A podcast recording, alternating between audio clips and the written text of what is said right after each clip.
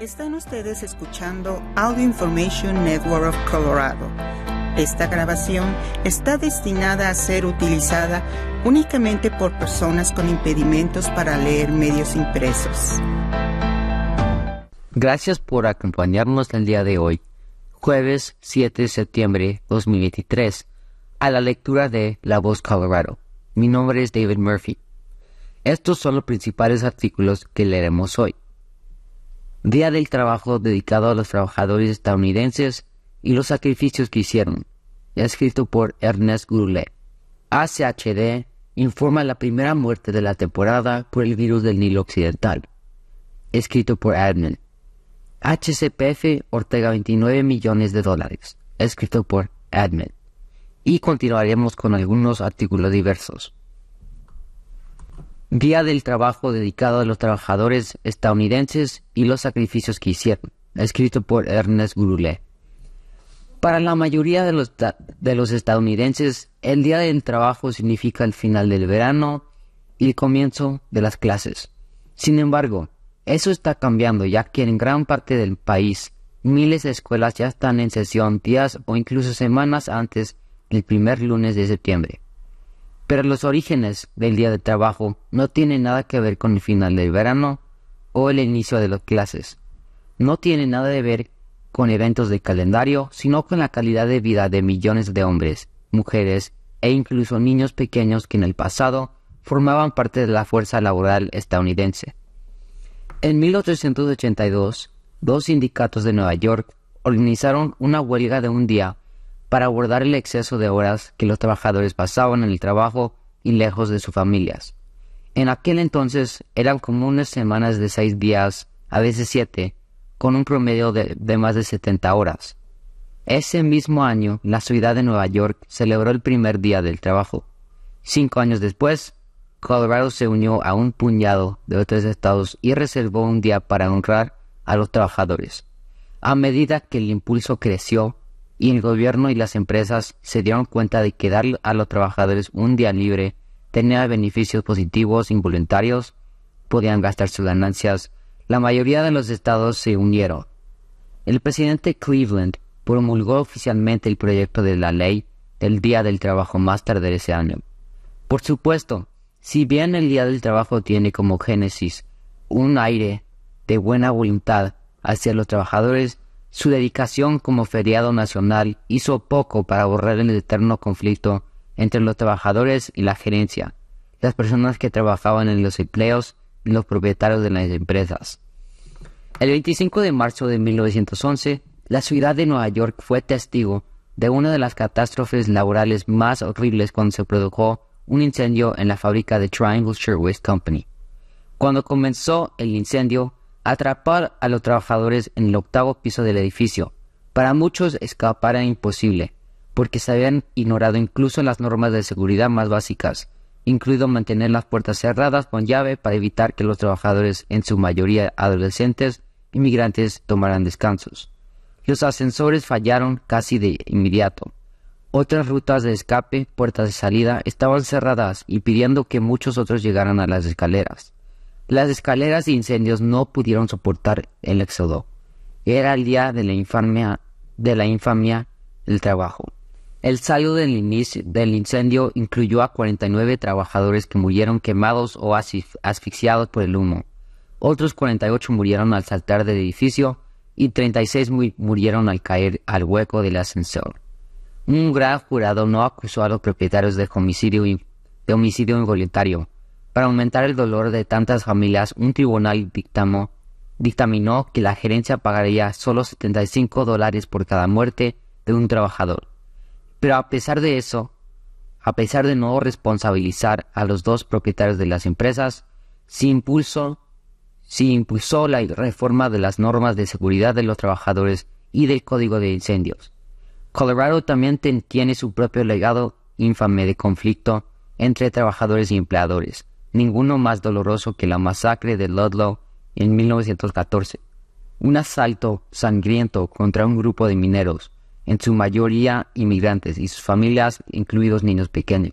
Los disturbios se filtraron durante lo que se conoce como la Guerra de los Campos Mineros de Colorado.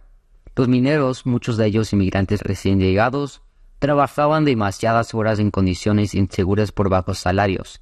Los enfrentamientos e incluso los conflictos armados entre los trabajadores y la dirección se desbordaron, pero no fue nada comparado con lo que ocurrió el 20 de abril en un campamento minero al sur de, de Walsenburg.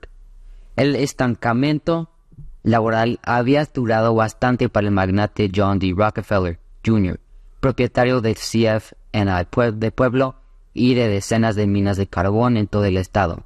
Su trabajo alimentó los hornos de su empresa con el combustible para fabricar el acero que una nación hambrienta y, en crecimiento tanto necesitaba. El gobernador Elias M. Emmons y la Guardia Nacional parecían tener los disturbios bajo control, a pesar de que ocasionalmente hubo focos de conflicto que resultaron en enfrentamientos, algunos de ellos fatales. Sofocar la violencia a menudo significaba recurrir a rompehuelgas, una decisión que resultó desgarradora y, en última instancia, históricamente fatal. Al final los rompehuelgas y la milicia se enfrentaron a los mineros. Los primeros utilizaron ametralladoras y los mineros contraatacaron con todos los medios disponibles. Hay diversas estimaciones sobre las víctimas y se cuenta como muertos hasta 55 mujeres y niños, pero al final se promulgaron importantes reformas en materia de seguridad minera y mejores salarios. El United Mine Workers compró el lugar de la masacre donde hoy se encuentra un monumento. Se puede ver desde el borde de la carretera de la Interstatal 25. La serie del pueblo también fue el punto focal de otro impasse laboral en Colorado. En 1959, el United Steelworkers of America convocó una huelga que cerró la fábrica de pueblo durante 110 días. La nueva tecnología estaba a punto de eliminar miles de empleos siderúrgicos en todo el país. El sindicato quería protección de los trabajadores. La huelga creó una depresión económica en pueblo y otras ciudades. Cuando no se pudo llegar a un acuerdo, el presidente Eisenhower intervino invocando la ley Taft-Hartley obligando a los trabajadores sindicalizados a retirarse. Parecía que la empresa había ganado, pero con un año electoral acercándose y algunos detrás de la cortina dando codazos en Washington, la gerencia y sindicato finalmente lograron un nuevo acuerdo laboral que, resultó en salarios más altos y mejores beneficios de salud y pensiones para los trabajadores. Las tensiones laborales y gerenciales, aunque no se acercan al punto al, al giro que alguna vez engendraron, engendraron continúan hoy. En los últimos meses se han evitado varias huelgas de alto nivel, incluido una con FedEx, pero varios otros están en curso o amenazados. Quizás el punto muerto más visible se esté librando actualmente en la industria del entretenimiento. También se avecina un posible paro laboral por parte del United Auto Workers. Se estima que 160.000 sindicatos de actores y guioncistas exigen nuevos contratos a la Alianza de Productores de Cine y Televisión. Quieren protección laboral, especialmente en una era de, inteligencia artificial que, que amenaza con borrar muchos puestos de trabajo. La huelga prácticamente ha congelado la producción de nuevas películas y programas de televisión. La huelga del SAG, WGA, comenzó el 2 de mayo, pero no se vislumbra un final. Un final. A pesar de la lucha por condiciones laborales más equitativas, que incluyen sacrificios a veces dolorosos, la historia del Día del Trabajo en Estados Unidos suele ser un misterio, especialmente para los más jóvenes. Para muchos ha convertido simplemente en un día de ocio y rebajas de fin de verano, pero para el ocio de millones de personas y para los precios de ganga en tantas tiendas, los sacrificios han sido muchos y han ido acompañados de un coste inimaginable tanto en sangre como en dinero. Ahora continuaremos con ACHD informa la primera muerte de la temporada por el virus del Nilo Occidental, escrito por Admin. Los funcionarios del Departamento de Salud del Condado de Adams, ACHD por sus siglas en inglés, confirmaron la primera muerte por el virus del Nilo Occidental, un residente adulto dentro del condado este año. El virus del Nilo Occidental se transmite a las personas a través de la picadura de, mosquitos infectados. La mayoría de los infectados con el virus no presentan síntomas. Sin embargo, uno de cada cinco podría desarrollar síntomas similares a los de la gripe, que normalmente comienzan entre 2 y 14 días después de la exposición. Enfermedades neurológicas graves y potencialmente mortales ocurren en menos de una de cada 100 personas infectadas. Los datos de las pruebas de mosquitos en todo el condado de Adams indican una cantidad muy alta de mosquitos, incluido el mosquito Culex, que porta el virus del Nilo Occidental y lo transmite a las personas. Estos recuentos elevados están relacionados con la primera humedad y el comienzo del verano en el área metropolitana de Denver. Al 30 de agosto del 2023, el Departamento de Salud Pública y Medio Ambiente de Colorado, CDPHI, informa 193 casos humanos del virus del Nilo Occidental y 13 muertes en Colorado. En el condado de Adams se han reportado 19 casos del virus del Nilo Occidental desde julio y la mayoría de los casos se reportaron en agosto. Esperamos que se produzcan muchos más casos en los meses pico de septiembre y octubre. En todo el estado, en agosto se reportaron más de 7 veces más casos del virus del, del Nilo Occidental en comparación con el promedio de los 5 años anteriores.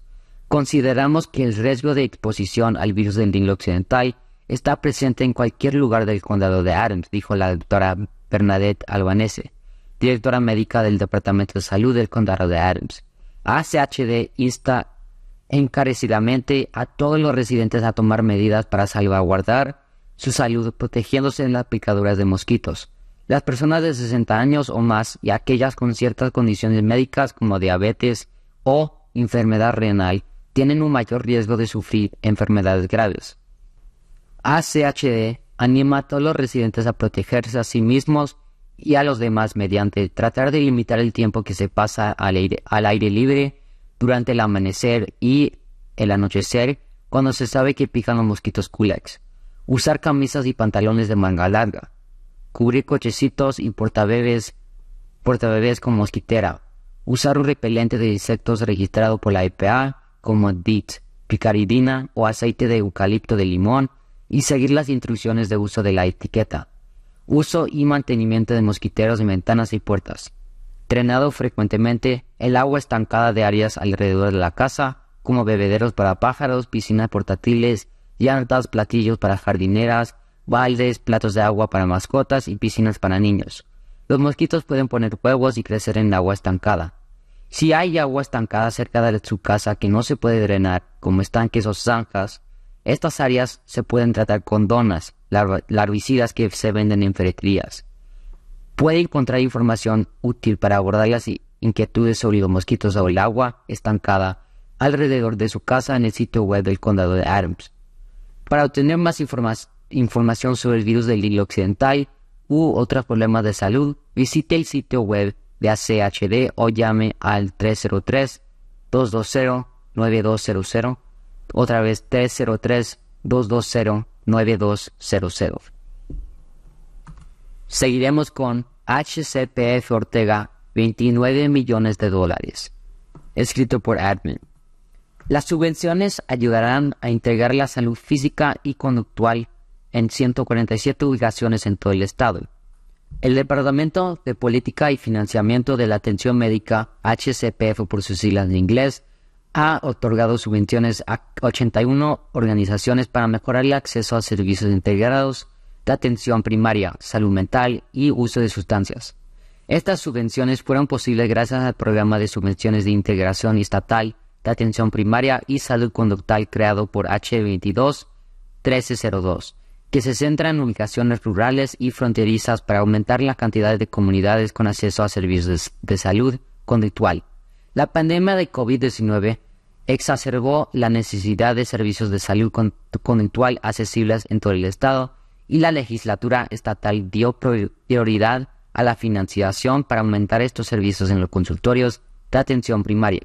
La subvención da prioridad a los miembros de Health First Colorado, el programa Medicaid de Colorado y Child Health Plan Plus, CHP Plus, pero proporciona financiación para consultorios que prestan servicios a todos los habitantes de Colorado. Entre el, 2023 y 2026, las 81 subvenciones por un total de 29 millones de dólares mejorarán, aumentarán o agregarán servicios integrados de salud conductual en 147 ubicaciones en todo Colorado. El programa también financia proveedores de salud conductual que desean ofrecer servicios de atención primaria para que los pacientes puedan acceder a atención integral donde, donde reciben tratamientos de salud mental y uso de, de sustancias. Los beneficiarios pueden utilizar los fondos otorgados, otorgados para proyectos como nuevos modelos de atención que ayudan a un consultorio a crear, equipos de atención especial y conectarse con psiquiatras y especialistas en medicina de, de adicciones y programas sociales. Avances en las plataformas de telesalud, sistemas de registro médicos electrónicos y sistemas de, facturación. Aumentar la fuerza laboral como contratar proveedores de salud conductual y capacitar a los proveedores existentes sobre programas efectivos de salud mental y uso de sustancias. Crear un espacio para proveedores como rediseñar las salas para brindar asesoramiento, asesoramiento individual o grupal, capacitación, educación y concesión de licencias credenciales para equipos de atención primaria. Para los pacientes, esto significa que pueden obtener asesoramiento sobre salud conductual, medicamentos y atención integrada cerca de casa esto también ayuda a abordar la escasez de mano de obra, mejorando la capacidad de los consultorios de atención primaria para atender a personas con necesidades de salud conductual. Los habitantes de Colorado, especialmente aquellos en áreas rurales y desatendidas, necesitan más acceso a la atención de salud conductual, dijo Kristen Bates, directora de la Oficina de Iniciativas y Cobertura de Salud Conductual de Medicare HP por sus siglas en inglés, del HCPF por sus siglas en inglés. Estas subvenciones proporcionarán el combustible que muchas organizaciones necesitan para aumentar significativamente la cantidad y la calidad de la atención de salud conductual que pueden brindar y en un entorno donde muchos pacientes se sientan se sienten más cómodos en el consultorio de su médico de familia. El Estado recibió cientos de solicitudes, lo que demuestra un gran interés de las comunidades locales en construir acceso en su región. Para obtener más información sobre los beneficiarios de las subvenciones, dónde se encuentran y cómo utilizarán el dinero de la subvención, visite hcpf.colorado.gov slash integrated care y consulte esta página web para obtener actualizaciones sobre cómo evoluciona el proyecto de, de la subvención. Continuaremos con El horario de máxima audiencia aumentado en Boulder, escrito por Brandon Rivera. Los CU Buffs durante años han sido una sombra de lo que alguna vez fueron en los años 80 y 90. Los Bucks que alguna vez fueron una potencia y a menudo incluidos en conversaciones con grandes equipos universitarios como Michigan, Nebraska, Notre Dame y Miami, comenzaron a caer del mapa nacional de la NCAA a finales de los 90 y su caída continuó hasta 2022, cuando ganaron un solo juego la temporada pasada. Colorado alguna vez ocupó el tercer lugar en el fútbol universitario por tener los jugadores más activos de la NFL. En los años 80, Colorado ganó notoriedad en su programa de fútbol de elite bajo Bill McCartney, quien llevó a los Bulls al primer campeonato nacional en 1990 cuando derrotaron a Notre Dame 10 a 9. Después de años de mediocridad por debajo del promedio del programa de que alguna vez fueron, el director atlético de Colorado dijo basta y tomó una de, las decisiones más controvertidas en la historia de CU Athletics. Se acercó a un hombre muy conocido entre la comunidad del fútbol por su tenacidad y determinación. Poco después del final de la pésima temporada de CU, la Universidad de Colorado contrató al entrenador Dion Sanders, Coach Prime, para intentar que el programa de fútbol de la escuela volviera a su estatus de elite. El sábado, los CU Buffs liderados por Coach Prime estuvieron en horario estelar de televisión en Dallas-Fort Worth para enfrentarse al subcampeón del campeonato nacional de la temporada pasada, Texas Christian University. En las semanas previas al juego, los críticos y escritores deportivos escribieron blogs, podcasts y compartieron sus pensamientos sobre cómo el enfoque poco ortodoxo del entrenador Prime al prácticamente revisar a todo el equipo fue el mayor error cometido por cualquier entrenador en la historia. Vegas estuvo de acuerdo, ya que tenían a los Buffs como tres perdedores en touchdown de cara al juego del sábado. Pero Coach Prime y su nuevo equipo de jóvenes talentos querían mostrarle al mundo por qué estaban equivocados con el enfoque de Coach Prime. Frente a millones de espectadores en todo el país, los Buffs salieron y trabajaron y presionaron a un equipo que se suponía los vencería por tres touchdowns. El resultado fue muy diferente de lo que nadie esperaba. CU golpeó primero con un touchdown, agregó 10 más antes de la mitad y derrotó a TCU 45 a 42, en lo que muchos llaman una de las mayores sorpresas en el fútbol universitario. Para colmo de males a todos los detractores de Coach Prime, su hijo Shedeur Sanders rompió un récord escolar al lanzar más de, de 500 yardas en un solo juego. Además, el juego del sábado fue el primero en la historia de la escuela en contar con cuatro receptores con más de 100 yardas recibiendo. El receptor abierto Travis Hunter está en conversaciones para el Heisman después de solo un juego con 11 recepciones para 119 yardas y una intercepción. No podemos dejar de lado al otro hijo del entrenador Prime, Shiloh Sanders, quien lideró al equipo en tacleadas, nueve tacleadas, una asistencia. Esta semana CGU recibirá a los Nebraska Cornhuskers para con suerte revivir una vieja rivalidad. Ambas organizaciones son similares en el sentido de que ambas tienen entrenadores de primer año que buscan cambiar sus programas de fútbol. La semana pasada el entrenador de los Cornhuskers, Matt Rule, debutó en su primer partido donde perdió uno cerrado ante los Minnesota Golden Gophers. Esta semana el entrenador Rule busca obtener su primera victoria sobre los Sioux Buffs recién clasificados. Seguiremos con Fallece el ex gobernador de Nuevo México, Bill Richardson, escrito por Joseph Rios. El ex gobernador de Nuevo México, Bill Richardson, falleció a la edad de 75 años. Richardson falleció mientras dormía en su casa de Massachusetts, según un comunicado de su organización, The Richardson Center. Su carrera política incluyó un tiempo como congresista estadounidense en el norte de Nuevo México, embajador de Estados Unidos ante las Naciones Unidas y secretario de Energía durante la presidencia de Bill Clinton. Richardson se convirtió en gobernador de Nuevo México en 2002 y también dedicó su carrera postpolítica a conseguir la liberación de detenidos estadounidenses en otros países. El presidente Joe Biden dijo en un comunicado que Richardson aprovechó cada oportunidad para servir y estaba dedicado y decidido a hacer el bien por su país, Nuevo México y los estadounidenses de todo el mundo.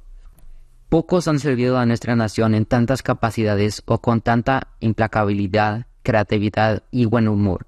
Lo extrañaremos profundamente, dijo Biden en el comunicado.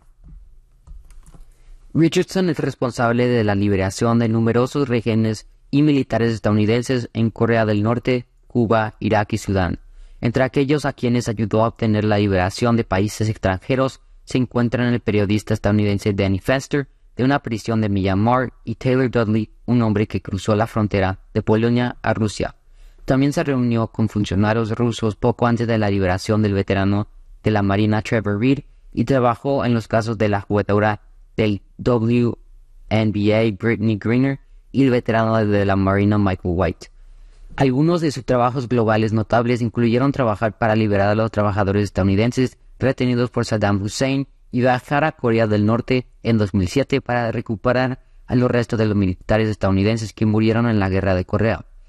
El año anterior persuadió al presidente sudanés Omar al-Bashir para que liberara al periodista estadounidense ganador de premio Pulitzer, Paul Solopek. Richardson describió una vez ser gobernador de Nuevo México como el mejor trabajo que he tenido.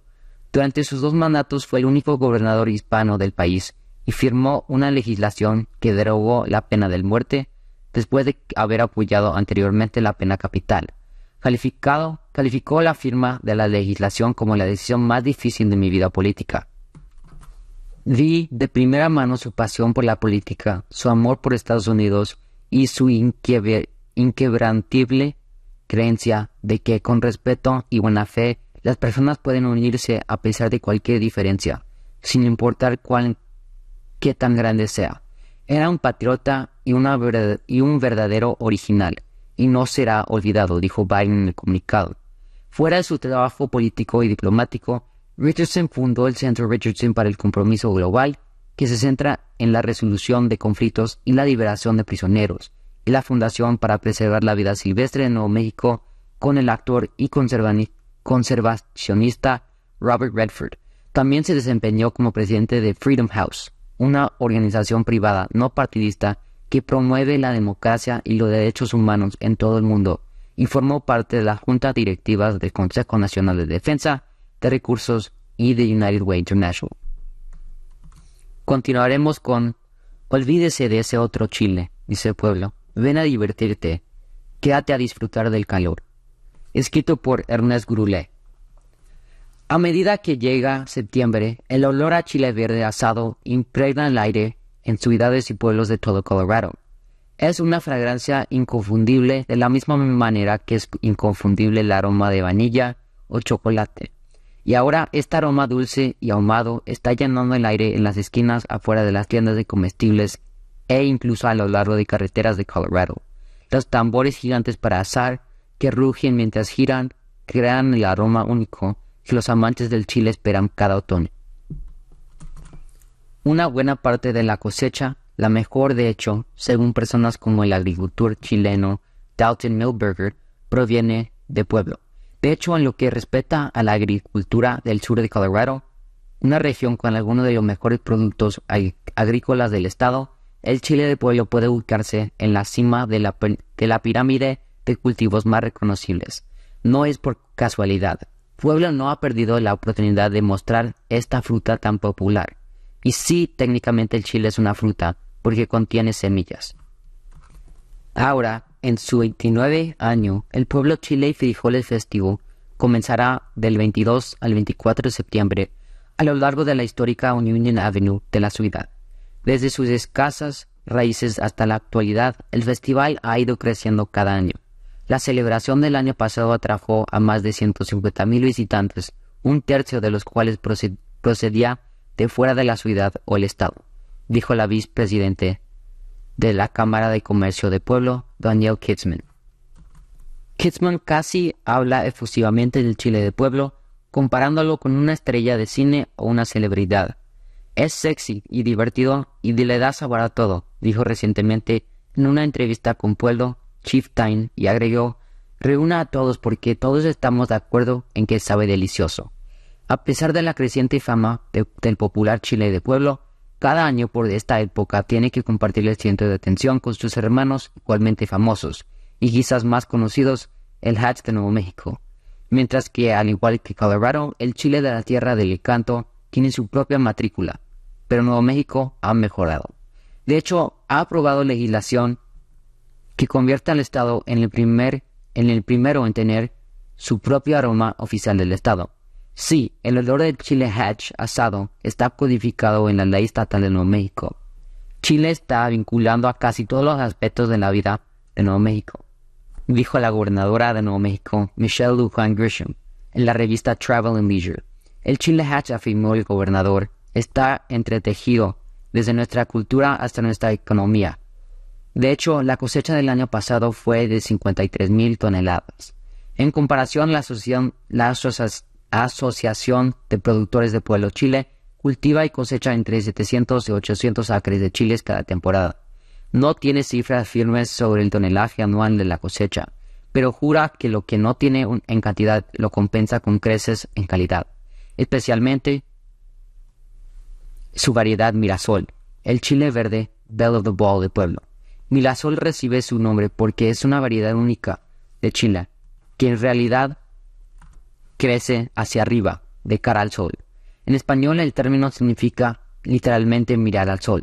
Milberger Farms tomó su chile y lo mezcló con salsa, salchichas e incluso dulce de azúcar. También se envía fuera del estado. También vende a Whole Foods, que a su vez vende chile pueblo en un puñado de estados de las montañas rocosas. Ahora que la pandemia ya no es el fantasma, en el banquete, Pueblo está planeando el Festival de Chile y Frijoles más grande de su historia. El festival de este año también incluirá una iluminación en globo aerostático durante dos noches. Cada uno de ellos se llevará a cabo a lo largo del Riverwalk de la ciudad. El festival también incluirá un récord de 200 o más vendedores. Pueblo, dijo Kitzman, ha hecho su tarea de hacer correr la voz sobre su gran festival de otoño, también recibió ayuda del Departamento de Agricultura del Estado a través de una encuesta de marketing. Sabroso y saludable, el chile es uno de los favoritos en todo el mundo. Los chiles realzan el sabor de los alimentos sin agregar grasas, aumentan el, metabolismo, son excelentes fuentes de vitaminas A y C, conservan los alimentos, están relacionados con la salud gastrointestinal, ayudan en la prevención de enfermedades cardíacas, cáncer, asma y alergias, e incluso se utiliza para controlar el dolor. No es de extrañar, que los chiles sean el condimento más cultivado en el mundo, desde suaves y dulces hasta muy picantes. Gracias por acompañarnos en, en esta edición de La Voz Colorado. Mi nombre es David Murphy. La programación regular de este podcast no está disponible en este momento. Esperamos que disfrute de esta transmisión especial de AINC. Gracias por acompañarnos el día de hoy, 10 de septiembre de 2023, a la lectura de Telemundo Denver. Mi nombre es Janet Beatty. Estos son los principales artículos que leeremos hoy. Estudio Colorado figura entre los primeros estados más obsesionados con los celulares en Estados Unidos, por José Quevedo, Telemundo Colorado. Biden propone más protecciones para los migrantes beneficiarios de la visa H2A por The Associated Press. Hasta 2.000 muertos y 10.000 desaparecidos dejan las devastadoras inundaciones en Libia por The Associated Press. Citan a Luis Rubiales a declarar como investigado en el caso por agresión sexual por IFI. Y continuaremos con algunos artículos diversos. Estudio Colorado figura entre los primeros estados más obsesionados con los celulares en Estados Unidos, por José Quevedo, Telemundo Colorado. Denver, Colorado. En un reciente estudio realizado por el experto en sueño Amerisleep, Colorado se ha posicionado en el séptimo lugar de la lista de los estados más obsesionados con los teléfonos móviles en los Estados Unidos. Nevada obtuvo el primer lugar, seguido de cerca por Louisiana y Georgia. El estudio examinó el volumen promedio de búsquedas mensuales en cada estado para más de 3.200 términos relacionados con problemas de teléfonos, como batería sobrecalentada o ¿por qué no funciona mi teléfono?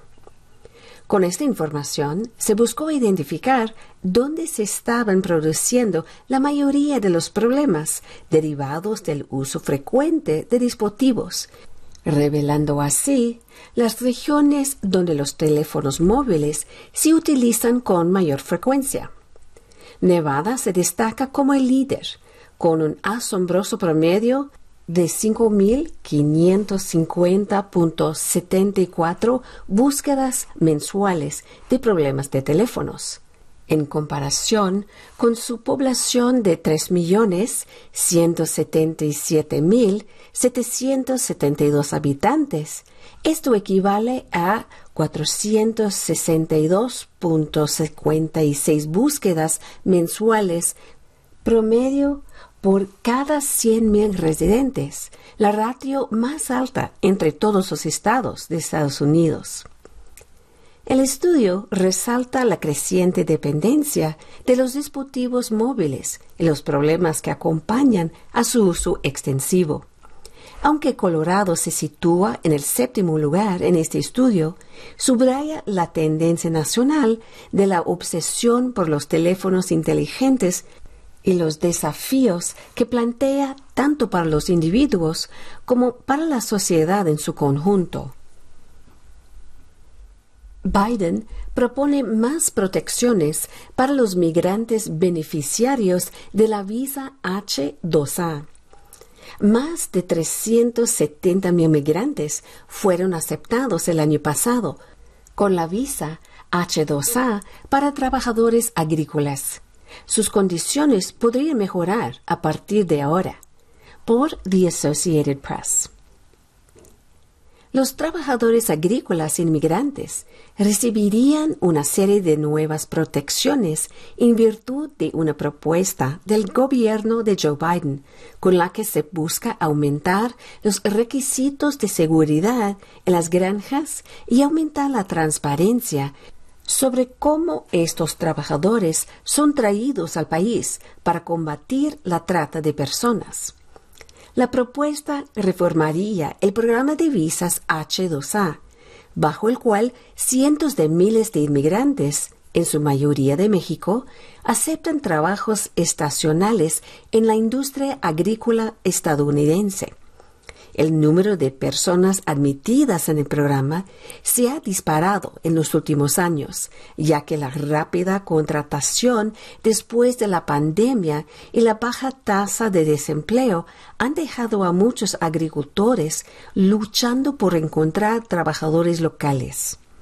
El año pasado, alrededor de 370 mil personas fueron admitidas con visas H2A, el doble que en 2016 y cinco veces más que en 2005, dijeron funcionarios del Departamento de Trabajo. Sin embargo, a medida que la popularidad del programa ha crecido, también ha aumentado la preocupación por los abusos. Los informes sobre vehículos agrícolas abarrotados y muertes han aumentado a medida que crecen las cifras, dijeron altos funcionarios del departamento. El gobierno ya está obligado a garantizar que el programa H2A no socave los salarios o las condiciones laborales de los estadounidenses que aceptan trabajos similares.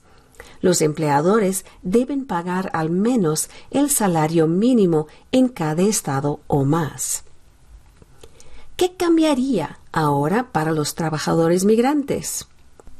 Esta regla propuesta es un paso crítico en nuestros esfuerzos continuos para fortalecer la protección de los trabajadores agrícolas y garantizar que tengan derecho a salarios justos y predecibles, condiciones de trabajo seguras y a no sufrir represalias, dijo Julie Sue, secretaria interna de Trabajo.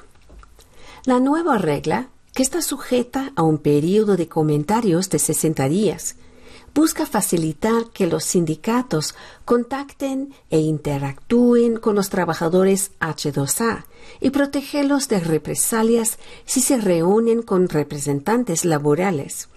A los trabajadores se les permitiría recibir visitas, incluidos aquellos de grupos laborales, en viviendas proporcionadas por el empleador, por ejemplo. También se requeriría que los agricultores que emplean trabajadores H2A proporcionen cinturones de seguridad en las camionetas que a menudo se utilizan para transportarlos en largas distancias. Los accidentes de transporte son una de las principales causas de muerte entre los trabajadores agrícolas, según el departamento.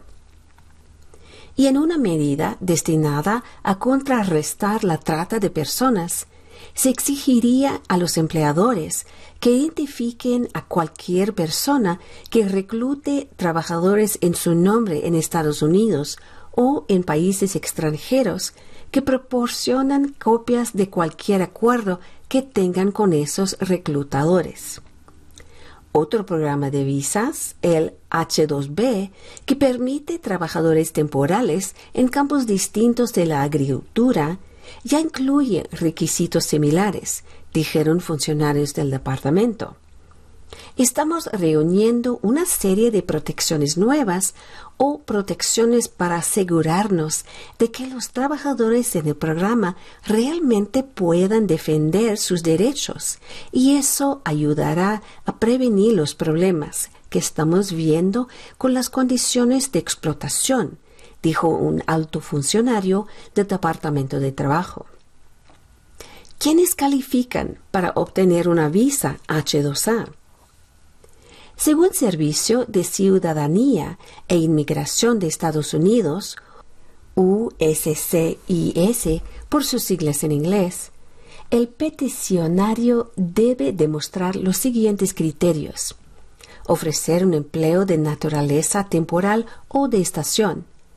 Demostrar que no hay suficientes trabajadores estadounidenses capaces, dispuestos y disponibles para realizar el trabajo temporal. demostrar que la contratación de empleados H2A no afectará sus sueldos y las condiciones de trabajo de los empleados estadounidenses en tareas similares. Generalmente, presentar una sola certificación de trabajo temporal válida emitida por el Departamento del Trabajo de los Estados Unidos, DOL, junto con la petición H2A hasta 2.000 muertos y 10.000 desaparecidos dejan las devastadoras inundaciones en Libia. La cifra de muertos es enorme y se espera que aumente en los próximos días. Por The Associated Press. Hay 10.000 personas desaparecidas tras las devastadoras inundaciones en Libia, según advirtió el lunes el responsable de la delegación en el país de la Federación de las Sociedades de Cruz Roja y la Media Luna Roja. Las autoridades han estimado que hasta 2.000 personas podrían haber muerto solo en la ciudad costera de Derna donde equipos de rescate recuperaron cientos de cuerpos de entre los escombros.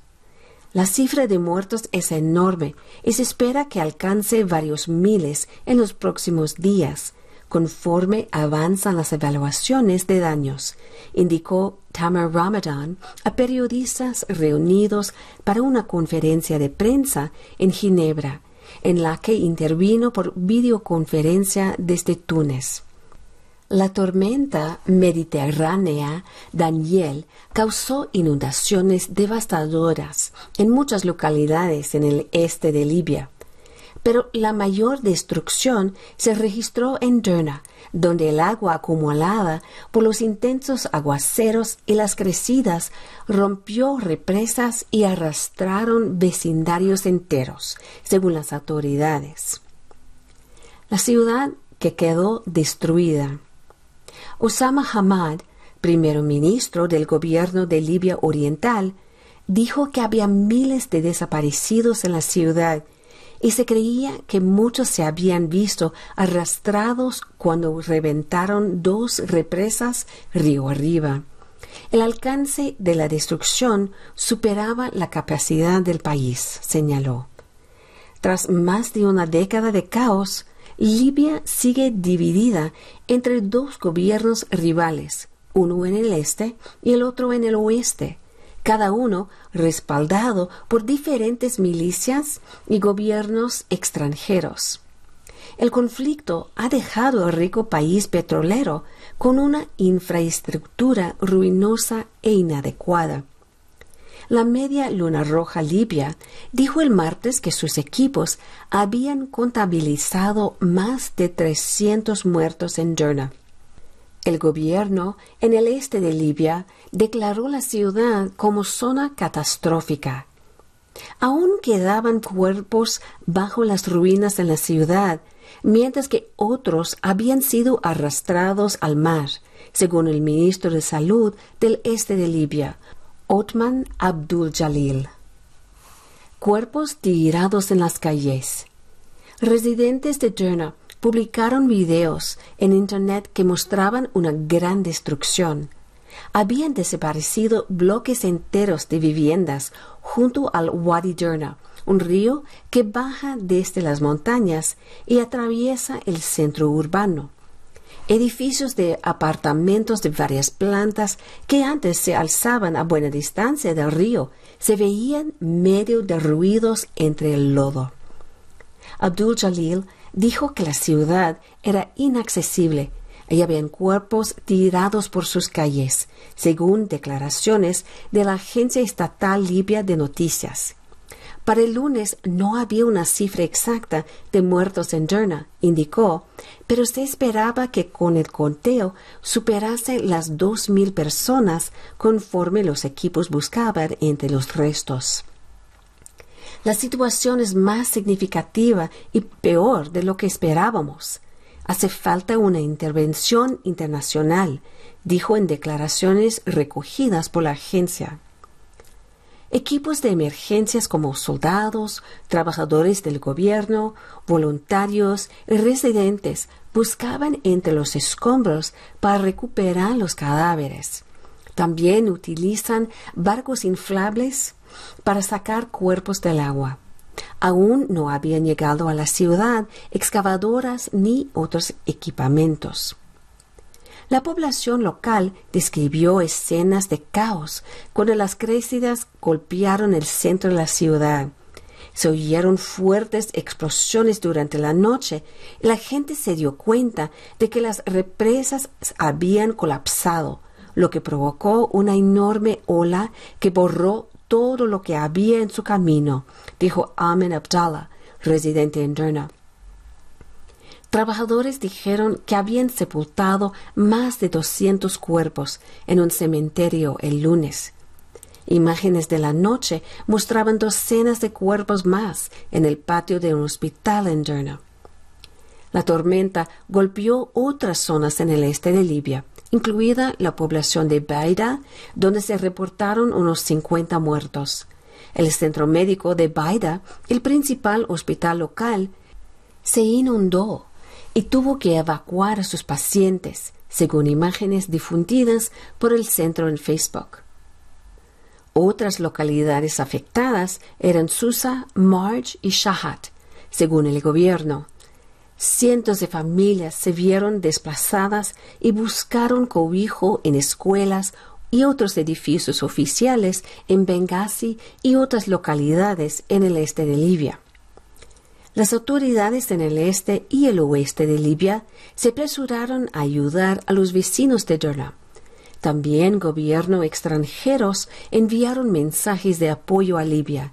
Egipto, Túnez, Argelia, Turquía y Emiratos Árabes Unidos estaban entre los que dijeron que enviarían ayuda humanitaria y equipos para ayudar con los esfuerzos de búsqueda y rescate.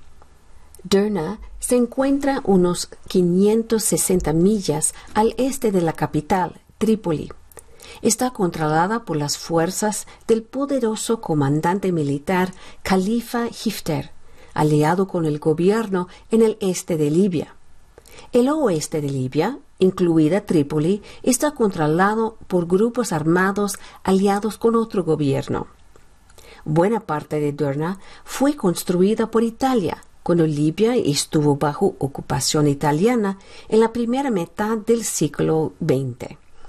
La ciudad fue en su día un núcleo de grupos extremistas en los años de caos que siguieron al alzamiento respaldado por la OTAN, en el que el veterano dictador Muammar Gaddafi fue derrocado y asesinado en 2011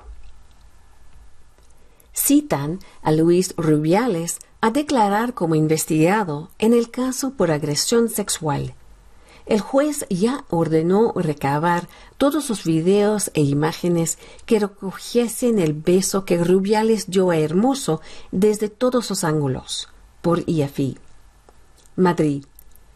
El juez de la Audiencia Nacional, Francisco de Jorge, ha citado el viernes al expresidente de la Real Federación Española de Fútbol, RFEF, e Luis Rubiales, para que declare como investigado en la causa abierta por agresión sexual por el beso que dio a la futbolista Jenny Hermoso tras la final del Mundial. Un día después de admitir a trámite la querella que interpuso la Fiscalía contra Rubiales por los delitos de agresión sexual y coacciones, el magistrado ha dictado una providencia en la que emplaza al exdirectivo a comparecer ante el Juzgado Central de Instrucción número uno junto a su abogado. En otra de las diligencias que el juez quiere practicar para la averiguación de los hechos denunciados por la Fiscalía, considera que Rubiales pudo incurrir un delito de agresión sexual al dar un beso a Jenny Hermoso, sin su consentimiento y mientras le agarraba con las dos manos la cabeza, y otro de coacciones por las presiones que ésta y su entorno recibieron para que justificase el episodio públicamente. En el momento de admitir a trámite la querella, El juez ya ordenó recabar todos los vídeos e imágenes que recogiesen el beso que Rubiales dio a Hermoso desde todos los ángulos, y también los minutos inmediatamente anteriores y posteriores al hecho relativos a la celebración del triunfo de la selección en el Mundial de Sydney. El juez quiere analizar también los vídeos de la celebración en el vestuario y también en el autobús. La fiscalía se querelló contra Rubiales desde que Jenny Hermoso formalizase su denuncia contra él en una comparecencia en la que ratificó que el beso no fue consentido y relató que tanto ella como su entorno sufrieron presiones. Rubiales presentó el domingo por la noche su dimisión a la Real Federación Española de Fútbol, RFEF, tras más de cinco años al frente de la institución y 21 días después de aquel episodio, que provocó un revuelo mundial que llevó a la FIFA a inhabitarlo cautelarmente durante 90 días. Kim Jong-un está en Rusia. ¿Qué podría necesitar Moscú de Corea del Norte y viceversa? Diversos analistas apuntan a que Rusia quiere armas y Corea del Sur alimentos, y son varias las razones para creerlo. Por Hyunjin Kim y Kim Tong-hyun, AP. Seúl, Corea del Sur. El mandatario norcoreano Kim Jong-un llegó el martes a Rusia para reunirse con el presidente ruso Vladimir Putin un encuentro que probablemente se centre en el deseo de Moscú de adquirir municiones para reabastecer sus agotadas reservas por la guerra en Ucrania.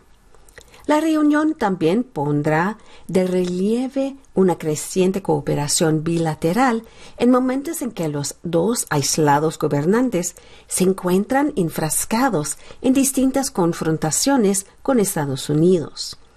A cambio de abastecer municiones, Corea del Norte posiblemente querría cargamentos de alimentos y productos energéticos, así como transferencia de tecnología armamentística avanzada.